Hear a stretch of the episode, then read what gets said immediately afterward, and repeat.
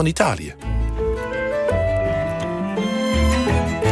Het was de week waarin onze premier naar Brussel afreisde... en hij is er nog steeds om zijn strenge voorwaarden... aan financiële steun aan onder meer Italië te verdedigen. Rutte voelt de sceptische blikken van veel Nederlandse kiezers... en daarmee ook veel concurrerende politici in zijn rug. Het is niet ongewoon voor de Nederlander om de Italiaan... met argwaan te bekijken als het om het huishoudboekje gaat. Maar sinds wanneer is dat zo? Ooit was Italië het voorbeeld van hoe het moest in de wereld. Land van Dante, Boccaccio, Da Vinci, Michelangelo. Land van Verdi, land van de Republiek Venetië... die ons als voorbeeld diende om geen vorst te dulden. Het land van de bankieren van de Medici. De Italianen gingen ons voor in literatuur, kunst, muziek, staatsvorm... en ja, ook in het geldverkeer. Giro, netto, bruto, saldo, debet, incasso. Allemaal Italiaanse woorden, om maar wat te noemen. Waar is het misgegaan? Waar is het beeld gekanteld? Van het land dat weet hoe het moet... tot het land dat alles doet zoals het niet moet volgens veel Nederlanders. Het is maar goed dat historicus Arthur Westijn hier zit. Auteur van het boek Het Italiaanse Experiment... samen met Pepijn Corduwener...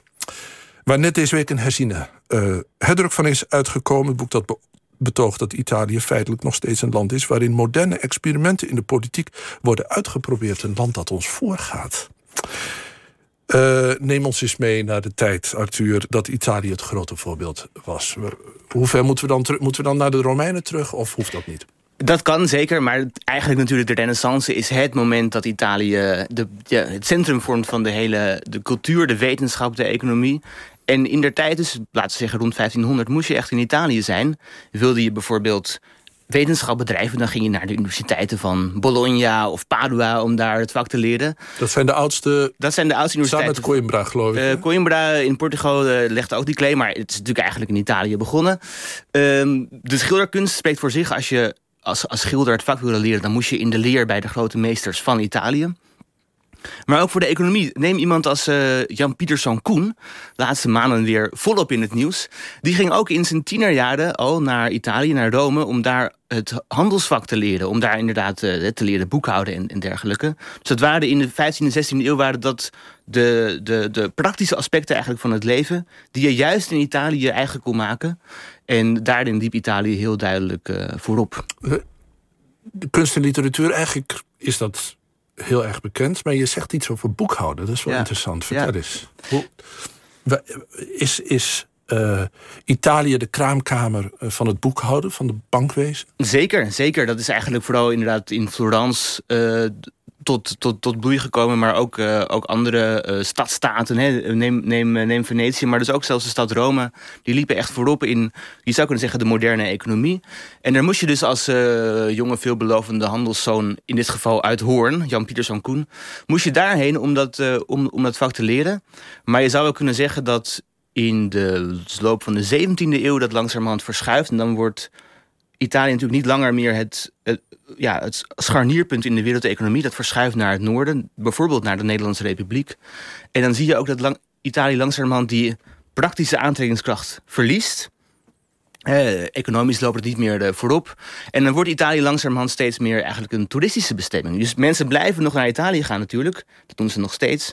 Maar het wordt niet langer meer een plek waar je het het, vak kunt leren, maar meer waar je het leven kan leren. Een plek waar je voor je plezier naartoe gaat. Het, uh, nog even terug naar, het, naar die kraamkamer van, van het bankwezen. Waar moeten we dan zijn? Is dat inderdaad die familie de Medici? Of stonden die ook al in een traditie? Die staan ook al in, in, in een traditie. Eigenlijk zijn het uh, ontwikkelingen die in de loop van de late middeleeuwen... In, uh, met name in Florence een hoge vlucht nemen. Frans is echt de, je zou kunnen zeggen, de bankier eigenlijk van, uh, van heel Europa dan op dat moment. En wat was het dan precies wat zij uitvonden? Nou, de, de finesses van het, uh, het boekhouden zijn mij ook uh, uh, onbekend. het gaat om, om zogeheten dubbele boekhouding. Dat is iets anders dan dubbel boekhouden. Maar dat is misschien ook een Italiaanse eigenaardigheid. Maar dubbele boekhouding waarin je dus de, de verschillende uh, inkomsten en uitgaven goed naast elkaar kunt zetten. Wat in Italië uh, min of meer is uh, ontwikkeld. En wat vervolgens natuurlijk heel belangrijk werd voor zo iemand als, als, als nou, Koen in, in dit geval. En, en, en dan heb je het, als, als je in de 17e eeuw naar Italië ging... dan was dat dus kennelijk om nog iets moderns te leren. Ja. En als je dan daarna naar Italië gaat, vanaf de 18e eeuw... dan begint er iets te kantelen. Ja, Want je, je had nog wel een grand tour nodig... om een echt volwaardig mens te worden. Zeker, ja. Dus eigenlijk inderdaad om jezelf te vervolmaken moest je naar Italië. En dan eindig je natuurlijk in Rome. Maar dat wordt steeds minder praktisch en steeds meer, je zou kunnen zeggen... een tocht op zoek ook naar jezelf. Naar een soort van eh, authentieke ervaring. En dat zie je heel goed terugkomen bijvoorbeeld bij iemand als, als Goethe. Hè. Die gaat eind 18e eeuw op reis, eh, jaren 1780, naar Italië. En die, eh, die beschrijft eigenlijk die reis niet als een reis op zoek naar praktische kennis... maar meer als een reis op zoek naar natuurschoon... naar ook de cultuur van het verleden. Hè. Dus het heden maakt plaats voor het verleden. En daarmee verandert ook de beeldvorming over die Italianen. Dus die Italianen die worden eigenlijk vooral een soort van franje in dat prachtige land. En Goethe beschrijft hen ook als een soort van natuurmensen. Hè? Eigenlijk mensen die een beetje daarin tussen de ruïnes rondlopen... en tussen de kunstwerken uit de renaissance... die eigenlijk bijna een soort van primitieve, edele wilden zijn... die eh, weliswaar dicht bij de natuur staan... daardoor ook spontaan kunnen reageren, heel erg emotioneel zijn... en dus veel spannender dan die saaie eh, zakelijke Duitsers... die Goethe juist ontvlucht is. Maar die ook wel ehm, zich overgeven aan chaos en aan eh, sentimentaliteit. Ja, ja, En dat dat- beeld wordt heel sterk in die, in die late 18e eeuw. Dus het is eigenlijk eh, met de opkomst van de romantiek... Ja. van de vroege romantiek, daarin, daarin paste eigenlijk de Italiaan... in een soort nieuwe moderne vinding. Namelijk het idee dat, eh, van de romantiek. Dat Zeker. de mens tegenover de natuur staat en daarin klein is... en dat de natuurkrachten op ons... en daarin zijn dus op dat moment de Italianen weer een voorbeeld. Dat, dat zou je kunnen zeggen. Eh, nog wel belangrijker dan Goethe misschien is het werk van Germaine de Staal. Dat is de beroemde Zwitsers-Franse schrijfster. Madame de Staal, die eh, begin 19e eeuw eigenlijk de speel vormt van intellectueel Europa. En die schrijft een, een roman, eh, Corinne ou l'Italie. eh, en het is eigenlijk een roman die gaat over het verschil Noord en Zuid. En Italië staat voor het zuiden. En het zuiden is het land van, van de chaos, maar ook van creativiteit en verbeeldingskracht en ook van de vrijheid. En daarin zie je ook in haar kenschets van Italië... zie je dat die romantische beeldvorming over Italië... die is aan de ene kant negatief, hè, want die Italianen maken er een zootje van. Maar het heeft ook positieve kanten, want Italië is dus een land... dat het mogelijk maakt om als individu die vrijheid te vinden. En voor Madame de Staal is het ook bijvoorbeeld de vrijheid als vrouw. Hè. In, in Italië kun je je eh, losweken van alle conventies eh, die in het noorden gelden.